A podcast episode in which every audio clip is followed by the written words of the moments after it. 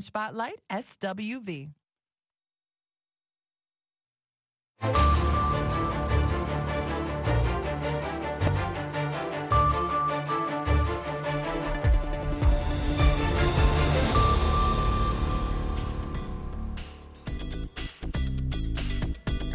Halkani waa washington laanta afka soomaaliga ee v o a oo aad ka dhagaysanaysaan mawjadaha gaagaaban f m-yada geeska afrika iyo caalamka oo dhan oo aad nagala socotaan v o a somali com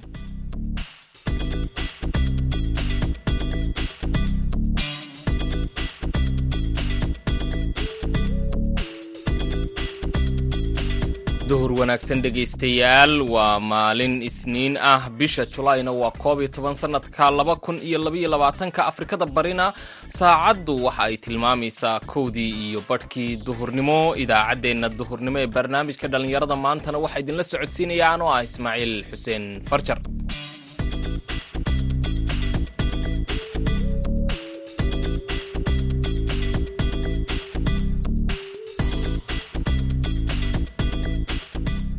qodobada aad ku maqli doontaan idaacaddeenna waxaa ka mid a magaalada laascaanood oo laga hirgeliyey goob ay haweenku ku bartaan farsamada farsamada tolidda iyo cabirka dharka si ay noloshooda ugu maareeyaan. Jaritaankaan barnaa cabirkaan barnaa tolmada harqaanka nooc walbaan barnaa xijaabada toobabka goonooyinka waxaabaan barnaa waxaad kale oo aad maqli doontaan dhallinyarada iyo qoysaska oo u damaashaad taga goobaha dalxiiska xilliyada ciidaha oo soo badanaya.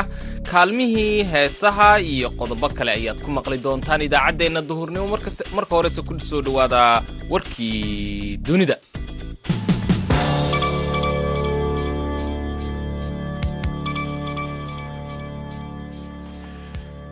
saraakiisha dalka ukrain ayaa sheegay in ugu yaraan shan iyo toban qof ay dhinteen kadib markii ay ciidamada dalka ruushku ay gantaal ku rideen dhisme ka kooban shan dabaq oo ku yaalla magaalada jasikyar ee dalka ukrain sidoo kale waxaa laga yaabaa in ilaa labaatan qof oo kale ay ku hoos jiraan ama ku hoos xaniban yihiin burburka dhismahaas ruushka ayaa maalmahan waday weeraro khasaare badan dhaliyey oo lagu bartilmaameedsaday dhismayaal ay degan yihiin dad shacab ahi hase ahaatee saraakiisha hogaaminaysa ciidamada ruushka ayaa ku doodaya in ay bartilmaameedsadeen oo keliya goobo ay ku sugan yihiin ciidamada dalka ukrain weerarkan ugu dambeeyey ayaa daba socday weerar kale oo ay ciidamada ruushku ku bartilmaameedsadeen xarun laga dukaamaysto oo ay ku dhinteen ilaa sagaal iyo toban qof.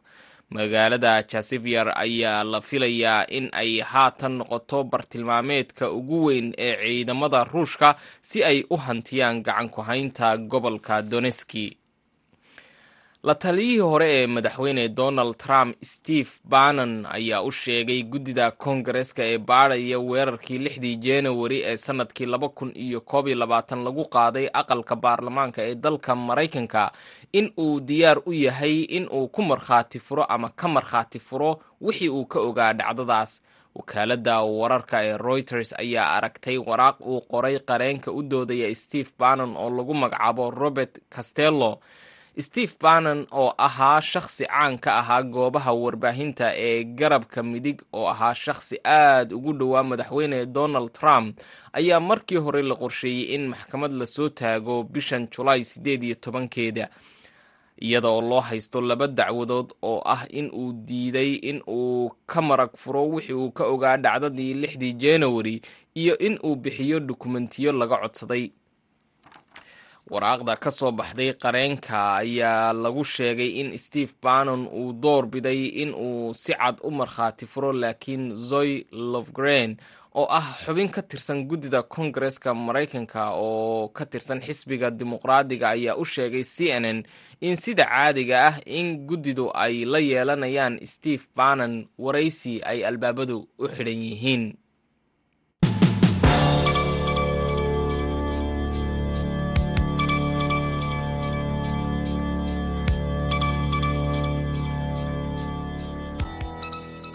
duhur wanaagsan dhegaystayaal halka aad nagala socotaana waa laanta afka soomaaliga ee v o a oo idinka imanaysa washington. Dhalinyarada waxbarashada ka dhaca ee magaalada laascaanood ayaa loo hirgeliyey goob ay ku bartaan xirfado ay ku shaqaystaan xilliga xilli ay jiraan dhalinyaro badan oo waxbarashada dhaafay ama aan fursad u helin in ay waxbartaan dhalinyaradani waxay u badan yihiin haweenka oo la baro sida dharka loo tolo iyo weliba sida loo jarjaro. Haddaba wariyaha v o a magaalada laascaanood cabdikariin olol ayaa warbixintan halkaas ka soo diray. Halkani waa goob lagu barto harqaanada xasan cabdi ibraahim waxa uu ka mid yahay xirfadyahanada muddo shan iyo labaatan sana a ka soo shaqaynayay harqaanka soo noqnoqoshada abaaraha soomaaliya ku soo noqday saameyn ayay ku yeelatay in dad badan ay ka soo xaroodaan miyiga ay xoolaha hore ugu haysteen. Ugu horeyn xasan ayaa sharaxaya tababarkan haweenka uu siiyo si ay noloshooda wax uga bedelaan sidoo kalena ay xirfad ay ku shaqaystaan ay u helaan. Gabdhaha macnaha waxaan barnaa dawaarka farsamada gacanta. Siay ugu shaqaystaan noloshooda ay ugu maaraystaan waxaan birnaa in macnaha qaabka loo wareejiyo dawaarka ilaa muddo saddex bilood qaabkaas ay ku shaqeeyaan. Halkaa qaybta labaadna jaritaanka dharkaan barnaa iyo qaabka loo toli lahay farsamada sidai ay ugu shaqaysan lahaayeen baan barnaa. Ilaa lix bilood saasay macnaha ku qaataan. Marka noocaasaan u barnaa wax jaritaankaan barnaa cabirkaan barnaa tulmada harqaanka nooc walbaan barnaa. Xijaabada toobabka goonooyinka waxaabaan barnaa. Xirfadaasi ma noqotaa mid ay hadhow ku shaqaystaan oo ay noloshooda ku maareeyeen halkan ay ka bartaan. Haa way noqonaysaa oo dad badan baa ka baxay oo si wanaagsan aan u barnay oo ilaa hadeerna ku shaqaysto. Oo weliba macnaha meel fiican jooga oo macnaha ku shaqaysto. Xaafadaha meheradaha suuqa waxaasoo dhan ay ku shaqaystaan. Wax badan ay ka taageeraysaa oo macnaha markaa ka maqnaa nolosha qoyskay ka asturaysaa. Macnaha wax badan baa macnaha adigu markaa u baahnaayeen bay helayaan. Ma jiraan gabdho ka mida dadka xooluhu ay ka dhammaadeen oo kale oo halkan yimid iyagoo xirfad raadinaysa in noloshooda u bedelaan idinkuna aad wax bartaan. Haa waa jiraan. Oo waanu yimaadaan mar walba yimaadaan oon barnaa ooy ka faa'iidaan ooy noloshooda ku dibiraan. Waxay ii sheegaan in macnaha barashada dawaarka ay u baahan yihiin in la baro oo aada ay ugu baahan yihiin. Annagana waa ka taageernaa oo waa barnaa.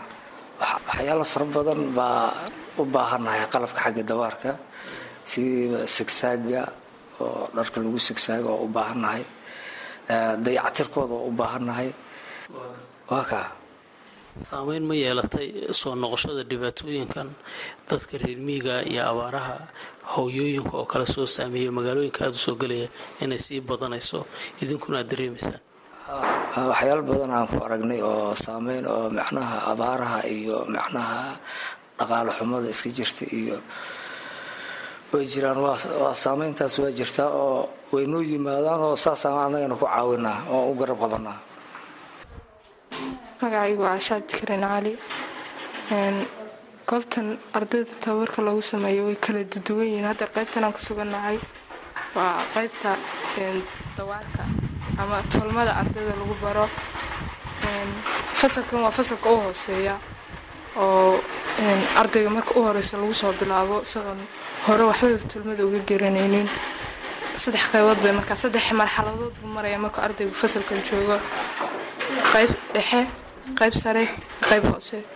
Qaybta u dambeysa markuu ka gudbo oo ah markuu tolmada keeno markaas wixii ka dambeeya fasalka labaad buu gudbayaa halkaasoo lagu tusayo nashqadeynta marada ee kala duwan iyo tolmooyinka maryaha noocyadooda kala duwan like kuwa dumarka iyo kuwa ragga waxyaalo fara badan. Bal iga haweenka ku yimaada noocyada ay ka kooban yihiin.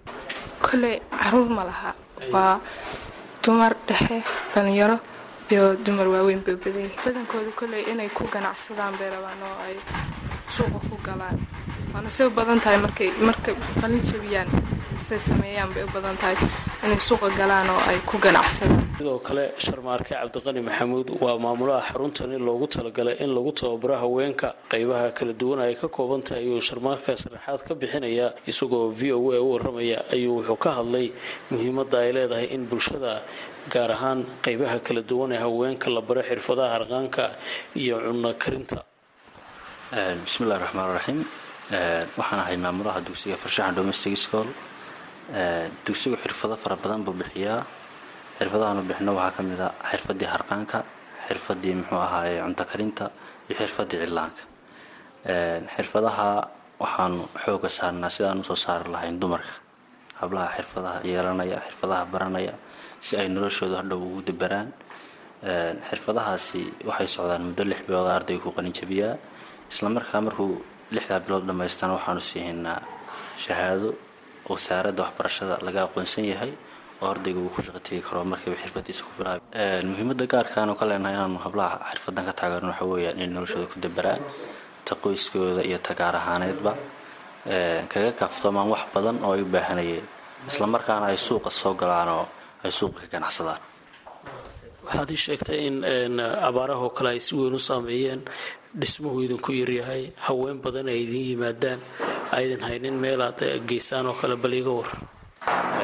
Walaalo waa rur oo dhismuhu aad buu noogu yaryahay islamarkaana qalabka aanu ardayda wax ku barnaa isaga laftooda aad buu ugu yaryahay islamarkaana si aanu u soo saarno arday fara badan oo carbisan dhinaca xirfadda. Dadka ugu badan ee noo yimaada waxa weeye dadka reer guuraaga oo u baahan in noloshii qoyskooda ay dabaraan oo ay maareeyaan haa. Islamarkaana suuqii iyo magaaladii soo galaan. Waayo de wadankii abaar baad ku dhufatay waad ogtahay. Cabdikariin nolol v o a magaalada laascaanood.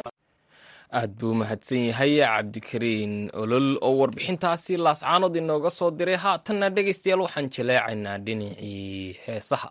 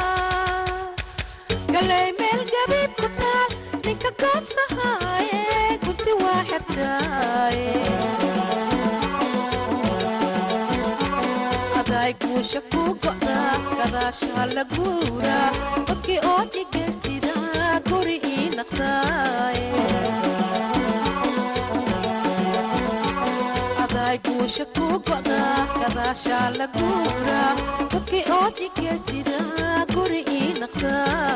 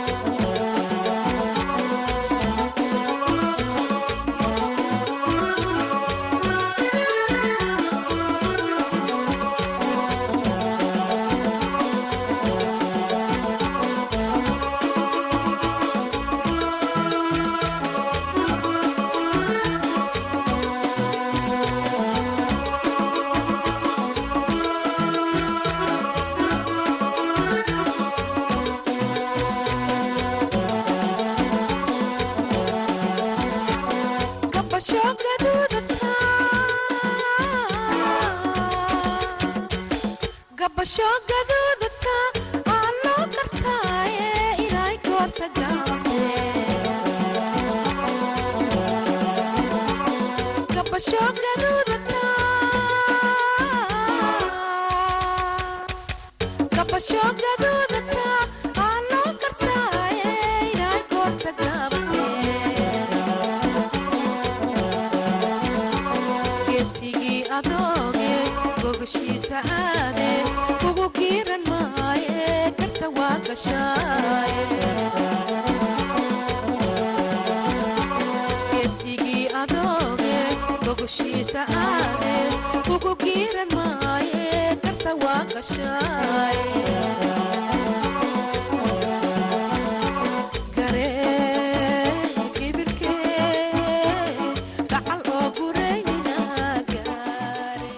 haddaynu heestaas halkaas kaga nimaadno halkaad nagala socotaanna waa laanta afka soomaaliga ee v o a washington idinka imanaysa haatanna dhinacaas iyo boosaaso haddaan eegno dhallinyarada magaalada boosaaso ayaa maalmaha ciidda u dalxiis tagaa iyaga iyo qoysaskooduba goobaha nasashada ee magaaladaas ku yaalla si ay halkaas farxadda ciidda ugala qaataan ubadkooda iyo asxaabtooda.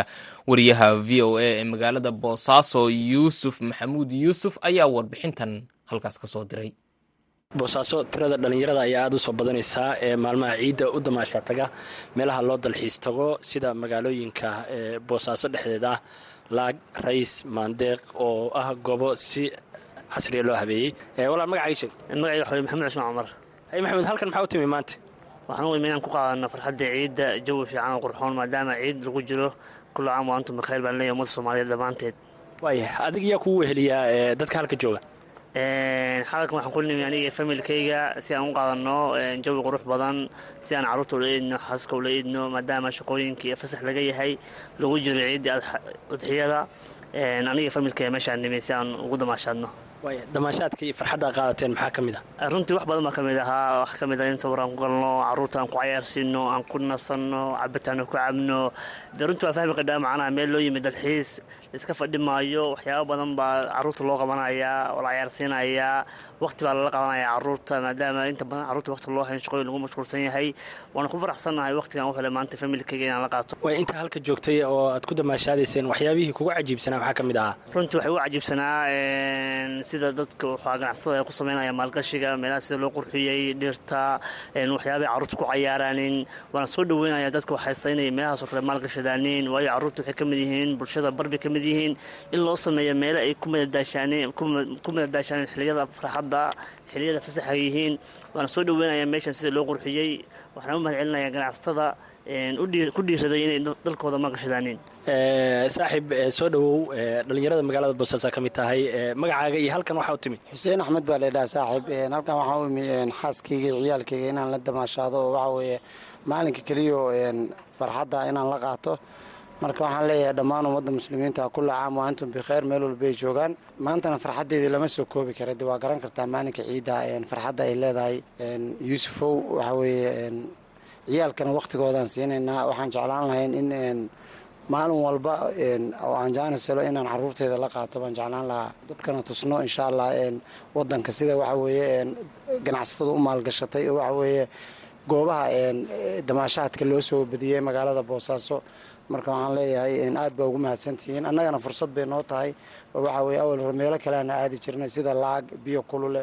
Hadda waxay noo noqotay magaalada dhexdeeda inaan wakhtigan kula qaadano familkeenna. Waaya waxyaabaha sida gaarka ah halkan aad uga hesheen adiga iyo qoyskaaga maxaa ka mid ah? Waxaa halkan ugu muhiimsan kow horta hore ciyaalkiioo helay meelihii ay fuulfuulayeen buufinadii ay iska soo tuurayeen allahu mustacaan dee cunadii ay meesha ka helayeen jibiskii wax walba lagu diyaariyey.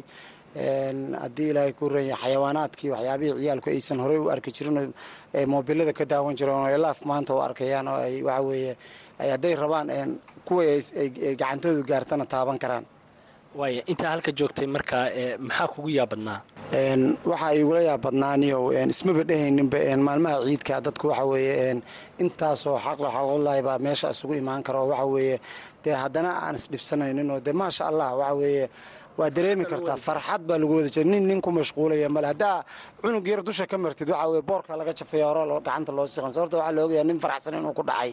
Waxba laga soo qaadi mayo marka farxaddaydana lama soo koobi karo hambaliyo hambaliyo waan leeyahay ummadda muslimiinka meel kastay joogaan. Waxaan kaloo u hambaliyeynayaa v o eda waxaan leeyahay aad baa ugu mahadsantihiin waraysigaa nala yeelateen een, insha allah ciidan ciidkeeda insha allah khayr iyo bashbash barwaaqo ilaahay ha nagu gaarsiiyo waa tahay ee, halkan waxaa taagan ee, magaalada boosaaso aan idinkala soo hadlaynaa.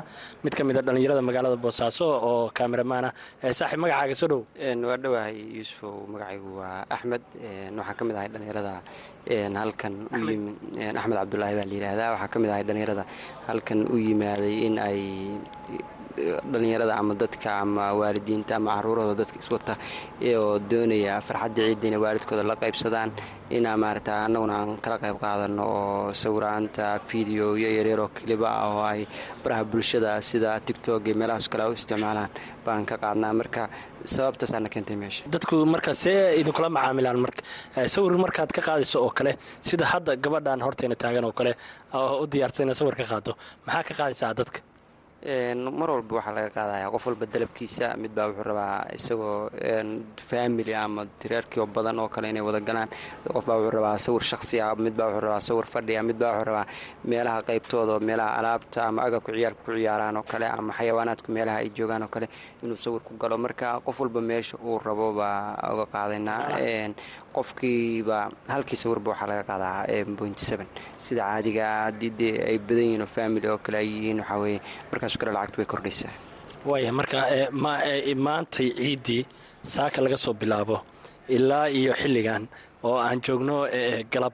Maxaa kharash ka qaadaysa maxaa ku soo galay kharasha lacagahan ma kuu sheegi karo kuma dhigi karo waxaasaa een, ka qaaday. Laakiin wax fiican oo ay ka soo galeen oo dee waxaa weye wax maalin joogaygii iyo iidaydii iyo waxaa weeye xishaxaad iyo wax kasta ku filan.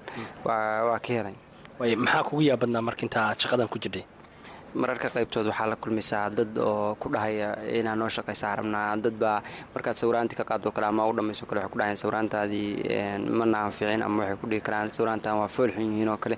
Waxaa laga yaabaa inay ku dhahaan in mararka qaybtood oo kaleeto waxaa laga yaabaa lacagta oo kaleeto inuu qofka kugula doodo oo ku dhahaniyo intaan waxaa weye qiimaha intaa le kuma bixin karno oo kale. Ma ciidan keliya dadka sawirtaan mise maalmaha kale oo shaqada inta badanaa shaqadeeda ugu badan waxaa weeye dheyli haddii nala soo dalbado oo kaleeto mar walba qofku uu heli karo. Goobahan oo kaleeto goobaha dalxiiska nala kama wawaayaba oo waxaa weeye. Soo hadda ay aada u yaraadeen haddana waxaa weeye waa nimaanaayo nala kama waayo. Marka dee waxay ka mid ahayd shaqada maalmeedkayga caadigaa bay ka mid ahayd. Maalmahan haddii ay soo dhexgaleen haddana shaqadaas ii siyaadina si aan u sii laba jibaarno oo aan dadka u qancino weli wararka magaalada boosaaso ayaan ku jiraay wararka ka imanaya magaalada boosaaso ee puntland ayaa sheegaya in iska hor imaad uu ka dhacay garoonka diyaaradaha kaasi oo dhex maray ciidamada badda ee b s f ee gacanta ku haya amniga garoonka iyo weliba ciidamo kale oo ka tirsan kuwa la dagaalama argagixisada ee loo yaqaano b s f wararka hordhaca ah ayaa sheegaya in ay jiraan dad wax ku noqday rasaasta la isweydaarsaday muranka ayaa la sheegay in uu ka dhashay qaabilaada diyaarad mucaawino sida oo ka timi magaalada muqdisho taasi oo ay la socotay guddoomiye ku-xigeenka koowaad ee aqalka hoose ee baarlamaanka soomaaliya sacdiya yaasiin samatar. Haddaba wariyaha v o a magaalada boosaaso faadimo yaasiin jaamac ayaa khadka si toosa ugu jirta. N faadimo bal haddii aad sawir guud naga siiso sidii ay maanta wax u dhaceen?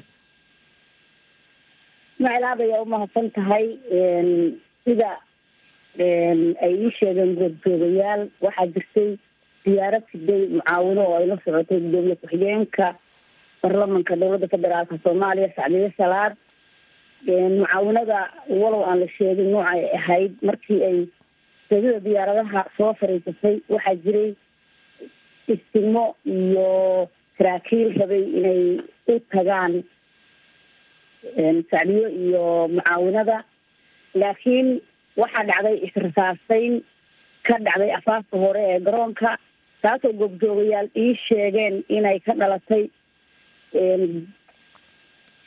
gelista garoonka halka goobjoogayaal goobjoogayaal kalena ay sheegayaan in mucaawinadani aysan dawladda u socon oo la rabay in gudoomiye ku-xigeenku ay ku wareejiso isimada marka wararkaasi waa warar labada dhinacba ay sheegayaan laakiin weli ma jirto cid si si jaraa-id si gaara u qabatay oo uga hadashay ismaaciilow israsaaseyntaasi waxaa ka dhashay khasaaro dhimasho iyo dhaawacba leh oo ciidamada badda puntland ee b b m b f iyo ciidanka b s f dhex maray. Marka dhimashada labada dhinac ku dhawaad toban askari ayaa dhintay oo labada dhinac ee israsaaseyntu dhex martay. Iminka xaaladdu rasaasti way joogsatay laakiin way isu muuqdaan labada ciidan ciidanka b b m b f gacanta ku haya garoonka difaac ayay xigteen. Kuwa b s f na asaabta hore ee garoonka ayay ka agdhow yihiin hadda. Waan gartay. Laakiin ma jirto wax rasaas oo socotaa waan gartay. Guddoomiyihii ama kusimihii guddoomiye ku-xigeenkii aqalka hoose ee baarlamaanka soomaaliya sacdiye xaggee iyadu haatan ku sugan tahay? Sacdiye waxaa ii sheegeen ila ku dhow dhow dawladda in ay gudaha diyaaradda ay ku sugan tahay in la filayo in diyaaraddaasi ay dib u noqonayso. Halka wararka qeybtoodna ay sheegayaan in la rajaynayo in mucaawinada iyo la soo dejiyo sacdiyana ay soo degto. Laakiin wararka ku dhow dhow dawladda waxa ay sheegayaan in saacadaha soo socda in diyaaraddu ay dib u laaban doonto oo muqdisho aadi doonto waan gartay. Laakiin wax khasaare ay muu soo gaadhin diyaaradda laftigeeda iyo maadaama meesha rasaas badan ay ka dhacday saad sheegtayna uu khasaare badan oo dhimasho geystayba uu goobta ka dhacay. Ismaaciil oo meesha rasaas israsaaseyntu ka dhacday waa waa isbaarada laga galo garoonka. Marka dhowr kilomitr bay isu jiraan oo ma isu dhowaa. Diyaaraddu badida ay soo fariisato iyo halka ay wax ka dhaceen. Mana la ii sheegin waxyeelo soo gaartay waftiga mucaawanada waday iyo diyaaradda. Laakiin waxaa jirta cabsi ah in dagaal uu mar kale qarxo ayaa laga cabsi qabaa. Warar ayaa sheegaya in iminka ay ku jiraan qaar kamida isnimadii laga soo celiyey garoonka. Marka xaaladdu waa sidaas. Waan gartay. Idaacadaheena soo socdaynu aada ugu faahfaahin doonaa kolba khasaaraha iyo bal ishaad ku hayn doontaa. Aad baad u mahadsan tahay faadimo yaasiin jaamaca oo ku sugan magaalada boosaaso. Dhegeystayaal wixii warar ee ka soo kordhana idaacaddayada galabta ayaad kaga bogan doontaan. Haatanna dhinacii heesaha ayaan idinku duweynaa